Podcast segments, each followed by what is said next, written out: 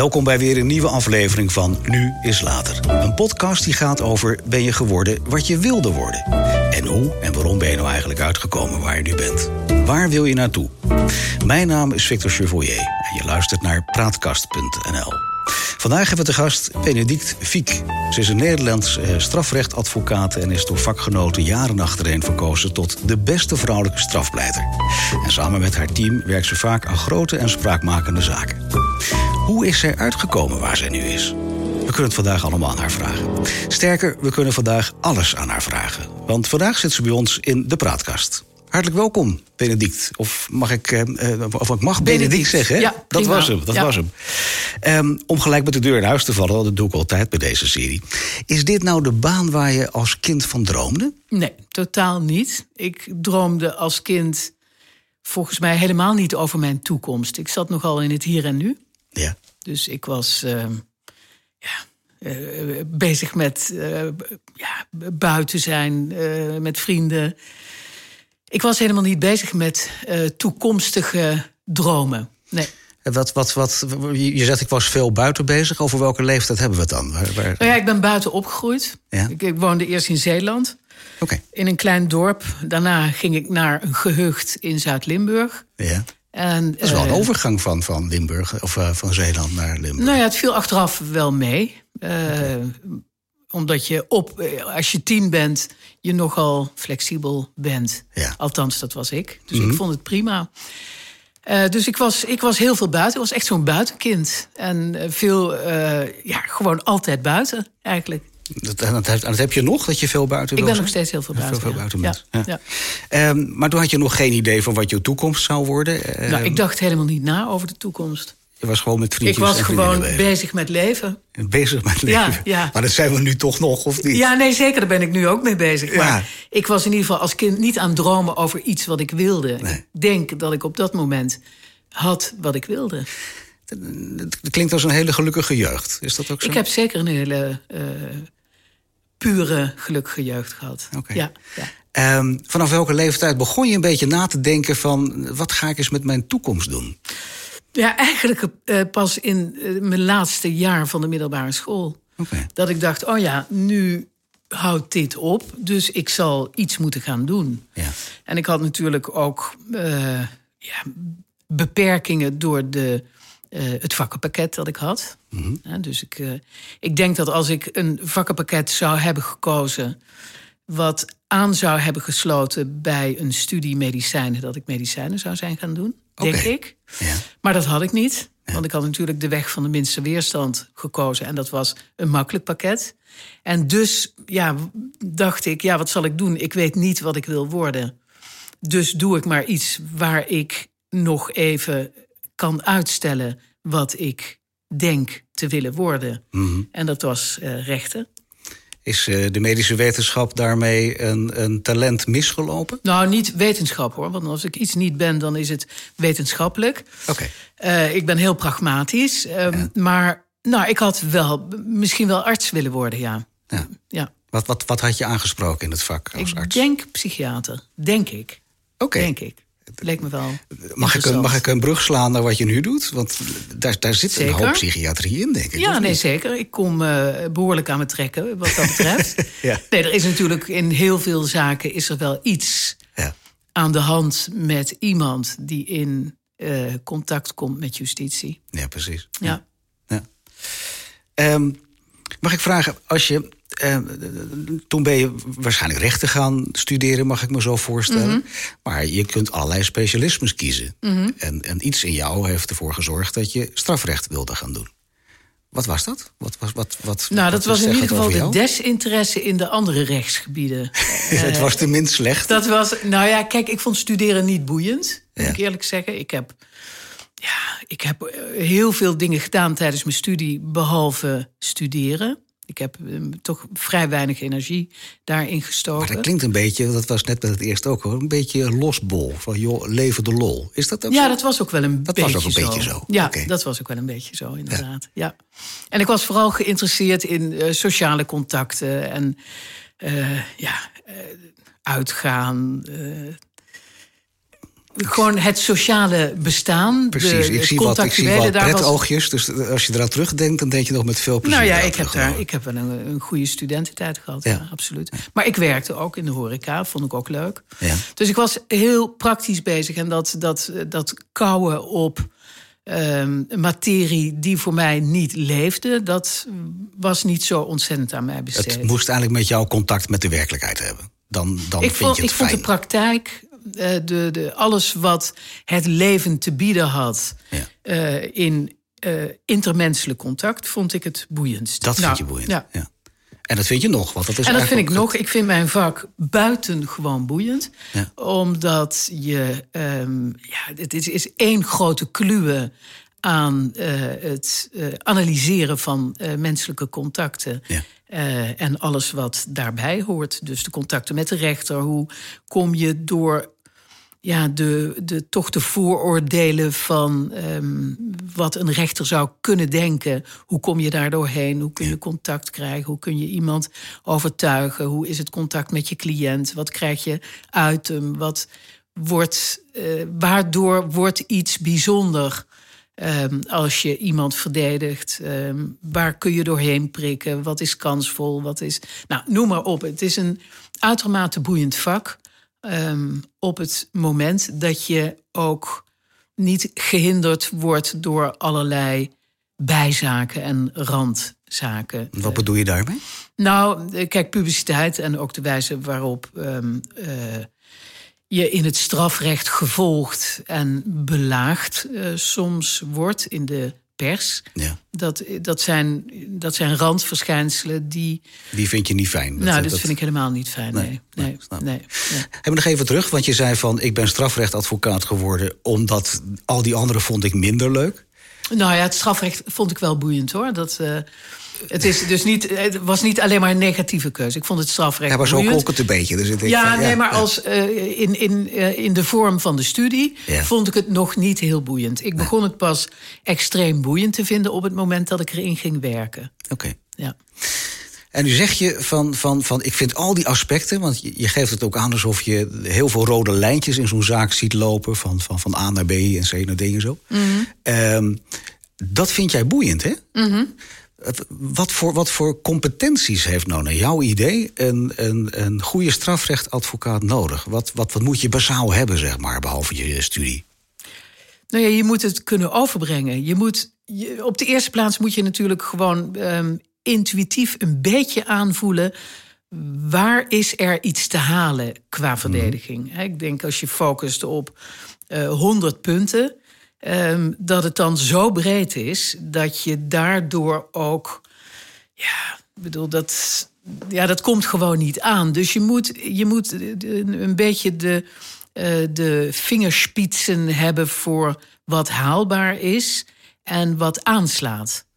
Maar dan heb je het over wat haalbaar is in strafrechtelijke in zin, in de mm -hmm. verdediging. Ja. Uh, maar wat zegt dat over jou dan? Wat, wat, wat, waar ben jij nou goed in? Ben je dan een echte communicator? Of, of ben je iemand die.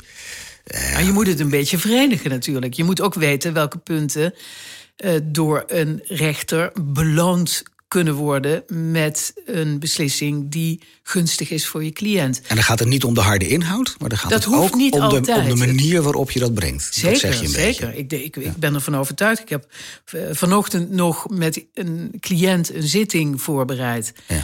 En dat is een hele ingetogen um, uh, persoon met een Aziatische achtergrond.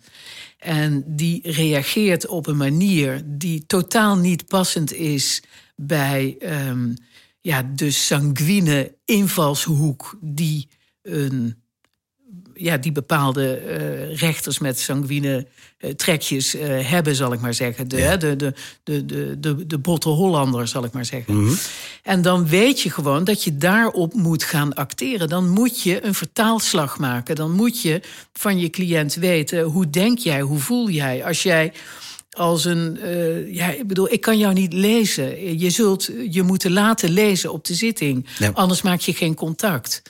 En dat zijn uh, onderdelen van de verdediging die onbelangrijk lijken, maar die volgens mij echt superbelangrijk zijn mm om je daarin te verdiepen. En dat geldt voor een heleboel dingen die niet bekend zijn bij de persoon die jou gaat beoordelen. Ja. Want mensen zijn heel beperkt. En rechters ook. En ik ook. Iedereen. Rechters iedereen zijn ook maar, ook maar mensen, zeg je eigenlijk. Ja, tuurlijk. Ja. ja. Um, maar als we het dan hebben over hoe jij dat doet... want je bent zeer succesvol geweest de afgelopen decennia, mag ik dat zo zeggen? Ik ben heel oud, ja. ah, dus zo bedoel ik het niet. Nee, maar ik ben, ik ben op mijn 27e eh, begonnen. Ik heb lang gestudeerd. Dat, ja. Ja, dat was ook wel het automatische gevolg van mijn gebrek aan inzet.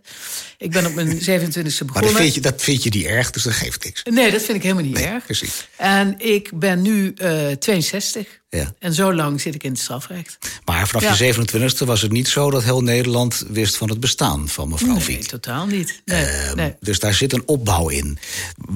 Zit daar voor jou vanuit je persoonlijk perspectief, hè, gewoon menselijk, zit daar ook een stuk enorme ambitie in? Dat je dat, dit heel graag wilde? Bekend worden? Ja, bekend worden. Dat nou ja, wel dat je gewoon een hele goede strafrechtadvocaat bent. Je wil het automatisch. Je wil, tenminste, zo, zo werkt het bij mij. Als ik gewoon... Jij wil het automatisch, maar ik over te zetten dat er de hele elftallen in Nederland rondlopen die dat misschien ook wel willen, maar dat niet lukt. Ja, nee, maar goed, ik, ik heb natuurlijk wel de enorme uh, mazzel gehad dat dat gelukt is. Hè? Dat, dat je... Nou, wat gaf jou die mazzel dan? Nou ja, er, zit ook heel veel, er zijn heel veel toevalsmomenten in een mensenleven. En dat, kan ik nu wel zeggen. Ik bedoel, ik werd toen ik achtstejaars was, ja. Eh, als advocaat. Toen werd ik gevraagd door iemand van een groot commercieel kantoor om mee te werken in een geruchtmakende strafzaak. Dat was de balpenzaak.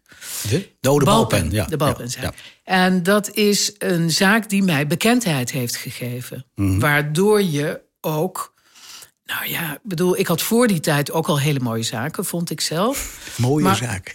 Ja, hele intrigerende, eh, fascinerende, prachtige zaken. Maar die zaak heeft mij wel nationale bekendheid gegeven. En dat is, ja, dat is ook mazzel geweest. Um, en ja, maar dus- vanaf dat moment, vanaf die balpenmoord heette dat geloof ik, hè? Ja, ik noem het de balpenzaak, want in mijn visie is nooit bewezen verklaard dat het een moord is oh, geweest. Ja. Oh, het was natuurlijk gewoon een... Heel scherp, In mijn scherp. visie een ongeluk. Ja, precies. Maar dat even terzijde. Ja, nou niet terzijde, dat is wel een belangrijk nee, thema, toch? ontzettend belangrijk geweest. Ja. Uh, maar dat was eigenlijk voor jou de casus waarop je nationale bekendheid kreeg. En betekent dat dan ook, net als in het bedrijfsleven, dat als je namensbekendheid hebt, mm. dan komen er meer mensen achterheen? Nou, zo werkt, het wel. Zo werkt het uiteindelijk natuurlijk wel. En wat ook een groot misverstand is, dat is dat mensen die bekend zijn, dat die ook automatisch goed zijn. Mm. want ik, um, als ik dat van mezelf zou weten, dat, dat gewoon niet, dat, gaat, dat hoeft natuurlijk totaal niet hand in hand te gaan. En ik heb, uh, heel, ik heb veel meer zaken in de luwte gedaan mhm. dan in de spotlights. Omdat het ook maar zelden zo is dat een cliënt er belang bij heeft om in de spotlights te staan. Het is afschuwelijk om in de spotlights te staan. Kun je mensen daar ook in begeleiden wie dat overkomt, denk je nu? Nou, je moet stil zijn en hopen dat een of andere rel-journalist geen uh, lucht krijgt van een hele uh, ja, juicy zaak. Ja. Ja, want voor de journalistiek is het natuurlijk een hele andere invalshoek waardoor ze ernaar kijken. Tuurlijk, tuurlijk. Het, Kijk, toen ik Badr Hari ging verdedigen ja.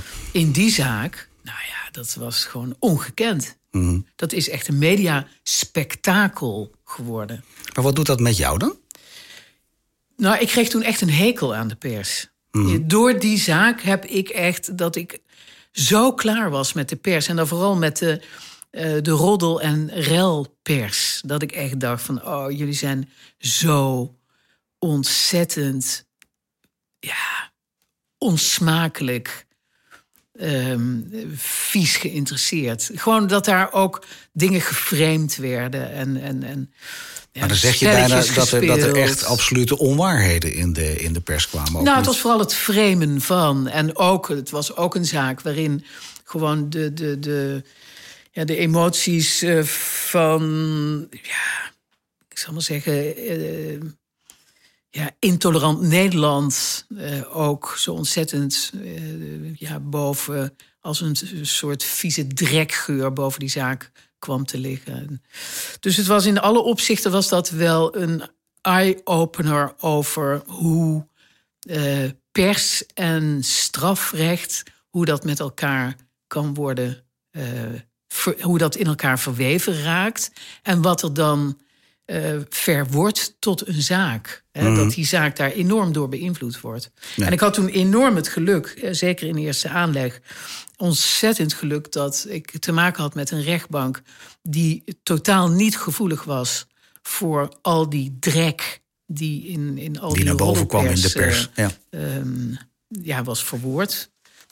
En ja, dat, dat, dat gaf wel een, een, een, enorme rust, zal ik maar zeggen. Maar dat, dat, ja, dat was wel een momentje van uh, enorme weerzin die bij mij is ontstaan maar hoe ga jij daar dan als strafrechtadvocaat mee om? Want je hebt een cliënt die daar mhm. ook onder leidt, even afgezien of, of die schuldig of niet schuldig is.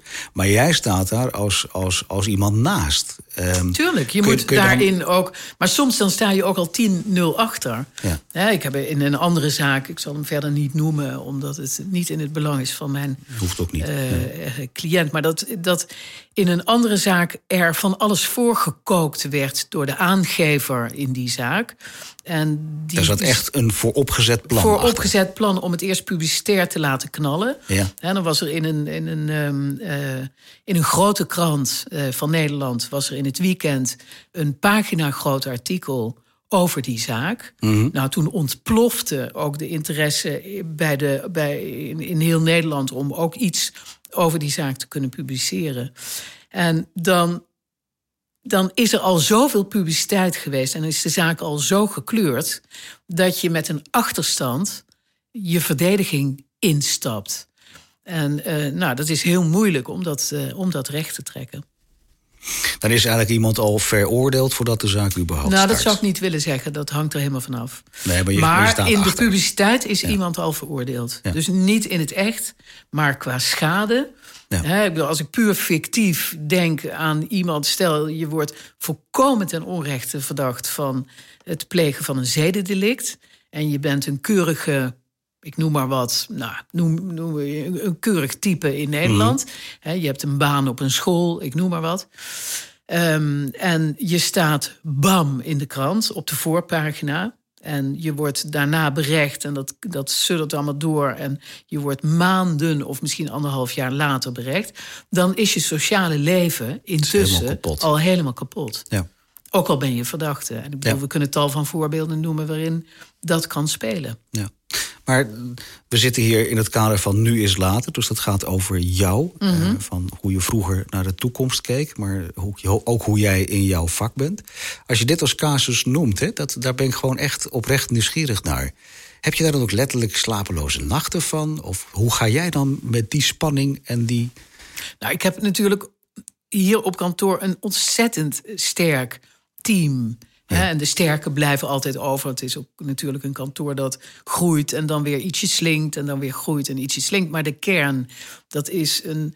Ja, ik ben begonnen met uh, twee kantoorgenoten met wie ik nog steeds samenwerk. En er zijn twee hele uh, uh, trouwe, inspirerende, extreem slimme mensen die zitten daarbij. En ook nog een aantal andere mensen die met ons samenwerken. En ja, we gaan door uh, uh, roeien en ruiten om uh, elkaar te steunen en elkaar te inspireren en ja, te bespreken hoe je met dit soort dingen omgaat. Dus mm. je, ja, je blaast stoom af, je wordt geadviseerd, je wordt geholpen.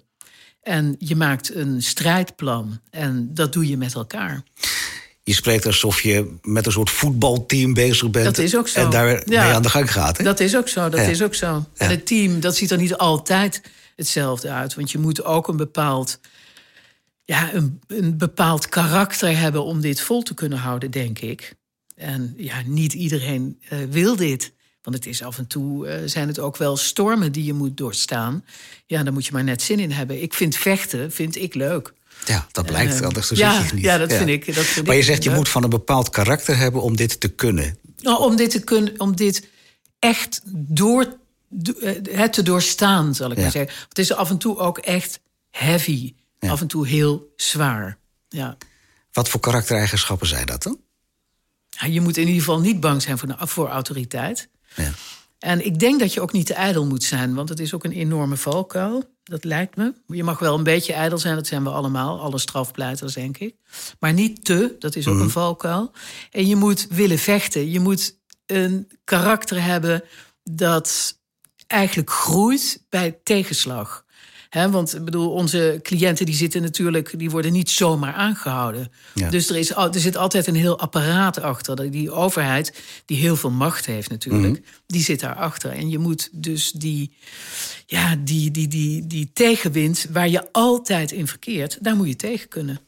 Ik, ik heb ergens gelezen op internet dat je, dat je liefde hebt voor de strafrecht, advocatuur en een gezond wantrouwen jegens het Openbaar Ministerie. Ja, nee, zeker. Vertel eens zeker wat de laatste tijd. Ja? Ja, nee, maar ik bedoel, kijk, er zijn, en naarmate de zaak zwaarder is en de mhm. belangen groter zijn voor het OM om te scoren, ja, merk je ook dat ze soms gewoon iets van naar een, een, een straatvechtersmentaliteit openbaren in de zittingszaal. Waar je ja, soms van achterover duikelt. Hè, uh, bedoel, je denkt dat magistraten uh, zich magistratelijk gedragen. En soms is dat niet zo. En dat ergert je zie ik aan je. nou ja, dat ergert me. Dat maakt me uh, woest. Ja, Heel eerlijk gezegd, dat ergert me niet. dat, dat maakt me woedend. Ja. Ja. Ja. Maar kun je daar wel wat bij voorstellen? Mm. Kun jij je voorstellen dat jij aan die andere kant zit? Nee, totaal niet. Nee. Nul. Nee, ik, kan me, ik ben echt advocaat in hart en nieren. En ik vind het ook heel belangrijk dat er een goed geoutilleerde en um, uh, goed ingevoerde waakhond in de vorm van de strafrechtadvocatuur is. Om uh, de, het Openbaar Ministerie, maar ook natuurlijk de rechtsprekende macht. Uh, om die in de gaten te houden. En om onze cliënten te behoeden voor misstanden. En soms, ik bedoel, we zitten nu echt in een, in een fase waarin het Openbaar Ministerie um, ja, heel veel ruimte krijgt, ook van de Hoge Raad. Uh, om vormverzuimen, ja, om die te kunnen plegen zonder dat daar consequenties echt, grote consequenties ja. aan vastzitten. En dat merk je ook. Hm. Ja. Je zult ongetwijfeld ook wel mensen verdedigd hebben waar je eigenlijk ook van weet dat er in ieder geval gedeelte van schuld in zit. Tuurlijk. Hoe ga, hoe ga je daar als mens mee om? Nou ja, je hebt een één op één contact met een cliënt. En de cliënt die weet dat zijn geheimen bij jou veilig zijn. Ja. En um, uh, cliënten zijn uh, uh, ja, als geen ander eh, mens ook. En zijn in dat één op één contact vaak ook heel kwetsbaar. Ja. En um, nou ja, het, het, het betekent ook in het geheel niet altijd dat ik niet uh, mijn cliënt aanraad om uh, te blijven zwijgen. Hè? Een goed advies van een strafrechtadvocaat kan ook zijn: ik denk dat jij er baat bij zou hebben als om jij wel te vertellen wat gewoon vertelt wat er is gebeurd. Ja, en dan gaan we dan door met een andere voor ja. jou allerbeste verdediging. En daar voel jij je als mens ook voel prettiger ik bij? ook heel snel bij, ja. Kan ook. Dat kan ook. En dat is zeker in zaken waarin je een. Uh, ja, geen beroepscrimineel bent, maar een incidenteel um, vergrijp hebt gepleegd, kan heel ernstig zijn. He, bijvoorbeeld een doodslag, dat kan. In een split second, dat je een rood waas voor ogen krijgt, dat je iemand bij de keel grijpt en gewoon bevangen bent ja. door een tijdelijke gekte, zal ik maar zeggen. Betekent dat dat jij als, als, als mens achter je cliënt moet kunnen staan. Dat je, dat je goed begrijpt waarom hij of zij tot die daad gekomen is? Dat is altijd belangrijk, denk ik. Nou, dat weet nou, ik niet. Dat, misschien dat andere strafrechtadvocaten nou daar ja, Ik vind dat wel belangrijk. Ik vind het wel belangrijk om te doorgronden wat er is gebeurd. Ja. Ik vind het ook belangrijk om te begrijpen wat er is gebeurd. Ik vind het ook belangrijk om dan vanuit die kennis uh, te adviseren. Mm van blijf je op je zwijgrecht beroepen. Want het kan ook zijn, bijvoorbeeld, zeker in bepaald soort zaken. het strafrecht, dat is, ja, dat is één onderdeel. Um, uh, één onderdeel in het leven van iemand die een vergrijp heeft gepleegd, die, ehm, die een reactie is op wat hij heeft gedaan. Ja. Maar het strafrechtelijk reageren.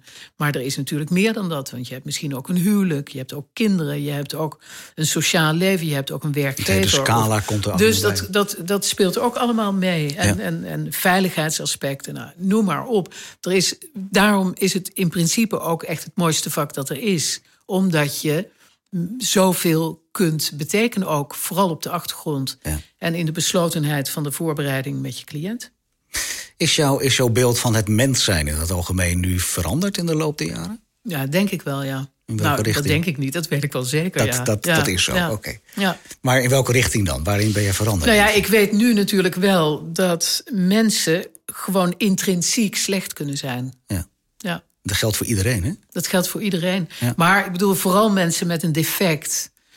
En een, Een bepaald soort je mee defect. een, een, wat psychiatrische achtergrond? nou, of- ja, psychiatrie, ja, je kunt het psychiatrie noemen. Maar mensen kunnen gewoon geboren worden met een, eh, eh, een, een totaal gebrek aan een, in een, aan een gewetensfunctie. Dus Ja. dat ze gewoon geen geweten hebben. Dat ze zo als kind waren en dat ze zo opgroeien. En ja, dat, dat levert natuurlijk, dat kan heel veel ellende opleveren. Ja.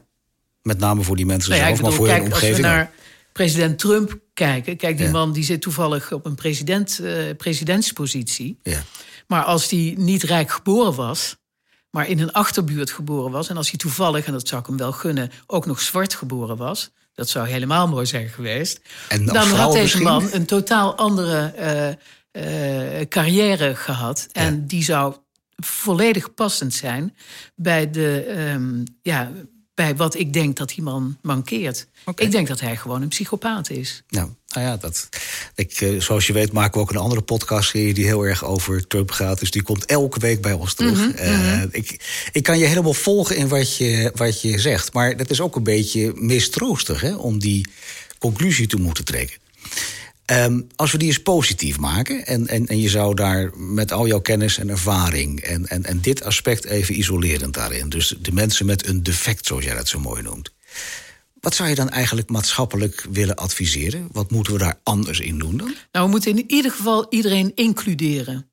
Dat Ja. is wat, eh, wat ik Iedereen hoort Iedereen erbij. m- moet erbij horen. En vooral de mensen die het veel en veel minder getroffen hebben eh, dan mensen die opgroeien in een gelukkig gezin, waar er normale eh, uitgavenpatronen mogelijk zijn, waar je een opleiding krijgt, waar je niet mishandeld wordt, waar je niet gediscrimineerd wordt, waar je mag zijn wie je bent. Maar dan zeg je eigenlijk gelijkertijd dat die defecten het gevolg zijn van dingen en niet Nou, in, aangeboren in zijn. vele gevallen wel, want deze Trump, eh, om het maar even bij hem Ik te vind het houden. wel leuk, een makkelijk ja, voorbeeld, Ja, dat vind ik ook wel een makkelijk voorbeeld. Ja. Deze Trump die zou gewoon eh, met zijn stoornis, eh, wordt hij dan wel president van de Verenigde Staten. Mhm. Maar in principe is het gewoon, hè, omdat hij de mogelijkheden had om ja, geld te verdienen, bedrijven te hebben, nou, noem maar op. Dus je komt wel per definitie, ook al heb je een defect, eh, wat niet altijd aangeboren is, maar zo ontstaan door trauma's, kan natuurlijk Ja. heel goed, of door echte psychiatrie, in de zin van het hebben van Ja, die grens is of- vaag, hè? Die grens vind ik vaag.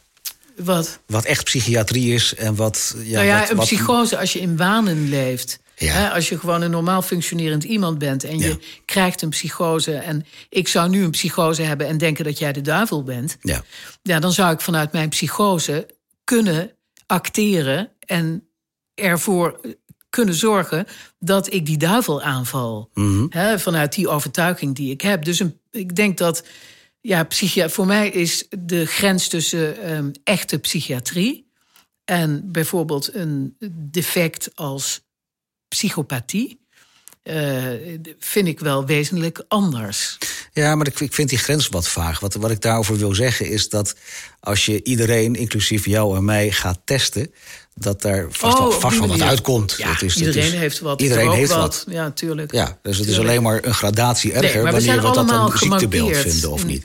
Ja, Maar ja. ik wil even terugkomen op mijn vraag. Heb, heb jij nu een advies aan eh, de maatschappij, eh, Mhm. aan de politiek? Ehm, wat wij nou kunnen doen? Je zegt, nou, we moeten ervoor zorgen dat iedereen er ook echt bij hoort. Die Ja. snap ik. Ehm, maar wat moeten we verder doen dan om te voorkomen dat mensen. Nou, je moet ontsporen? veel meer investeren in de preventie. Dus je moet niet wachten tot het misgaat. Maar aan de je moet in het onderwijs moet het gewoon. Ik vind dat heel veel geld voor heel goed onderwijs, gegeven door hele fijne mensen, waarin heel veel diversiteit is. Mhm. Dat is heel belangrijk. Het is ook ontzettend belangrijk dat mensen zich herkennen in rolmodellen. Ja. Eh, dat ehm, er hard opgetreden wordt tegen intolerantie. Dat mensen eh, die intolerantie prediken.